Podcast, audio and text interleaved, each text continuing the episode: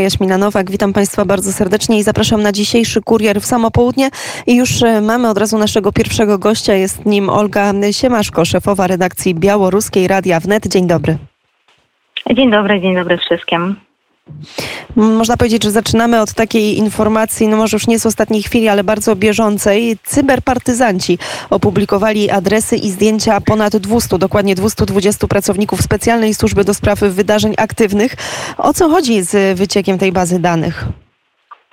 Tak, oczywiście dzisiaj cyberpartyzanci opublikowali adresy i zdjęcia to nazywa się Specjalna Służba Wydarzeń Aktywnych. W języku rosyjskim ten skrót jest czytany jak OSAM. To takie specjalne siły wojsk granicznych Białorusi, które specjalizują się w zwalczaniu działalności terrorystycznej na granicy.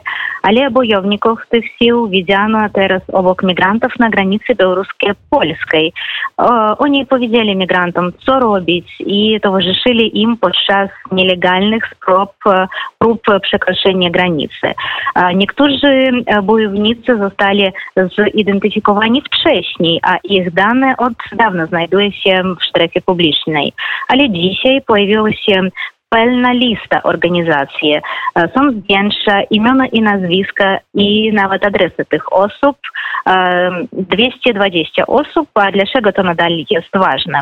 Bo ponieważ OSAM znalazł się w piątym pakiecie unijnych sankcji przeciwko Białorusi i ten pakiet został przyjęty dzisiaj. A kto dokładnie tam jest, dowiemy się niedługo. I wstępne listy obejmowali OSAM jako organizację i w ogóle bez nazwisk uczestników. Dzisiaj dzięki cyberpartyzanom cały kraj, nawet cały świat już wie, kim są ci ludzie. Jak powiedzieli sami cyberpartyzanci, publikujemy dane tych, którzy pomagają dyktatorowi rozpętać wojnę hybrydową na granicach z EU. Zadaniem pogranicznych takich sił specjalnych jest walka z terrorystami, a nie służenie im, ponieważ siły OSAM zagrażają życiu tysięcy ludzi i podżegają do konfliktu zbrojnego na granicy. Wszystkie informacje o nich na ich temat zostały opublicznione. Informacje można znaleźć w kanale Telegram programowym kiberpartyzanckim jest też tam tak zwana karta karców Białorusi. Olgo, czy możemy rozumieć, że ci cyberpartyzanci, żeby jeszcze też dobrze wytłumaczyć słuchaczom Radia Wnet, to są po prostu tacy antyreżimowi hakerzy, którzy, którzy nie boją się i działają w tej szarej strefie internetu i właśnie wyciągają takie rzeczy? Tak, cyberpartyzanci to taka białoruska grupa anonimnych aktywistów hakerskich, jak, jak oni sami się nazywa, która pojawiła się we wrześniu 2020 roku. Znana z różnych cyberataków na instytuty państwowe. Cyberpartyzanci współpracują z grupą BIPOL, która składa się z byłych białoruskich policjantów i dzięki tej współpracy można było dowiedzieć się wielu wydarzeń sierpnia 20 roku. W internecie pojawiły się rozmowy telefoniczne szefów policji i stało się jasne, kto wydawał rozkazy strzelać do ludzi, bić ich. Były nawet takie telefony od obywateli, którzy skarżyli się na sąsiada, który nie lubi Łukaszenki, albo na balkonie sąsiada wisi biało-czerwono-biała flaga. I wtedy Białorusiny dowiedzieli się, kto je zgłosił i z czyjej winy trafili oni do więzienia. Dzięki cyberpartyzanom udało się dowiedzieć się, kto zabił aktywista Romana Bondarenka. I okazało się, że brała w tym udział rzecznik Łukaszenki Natalia Eisman.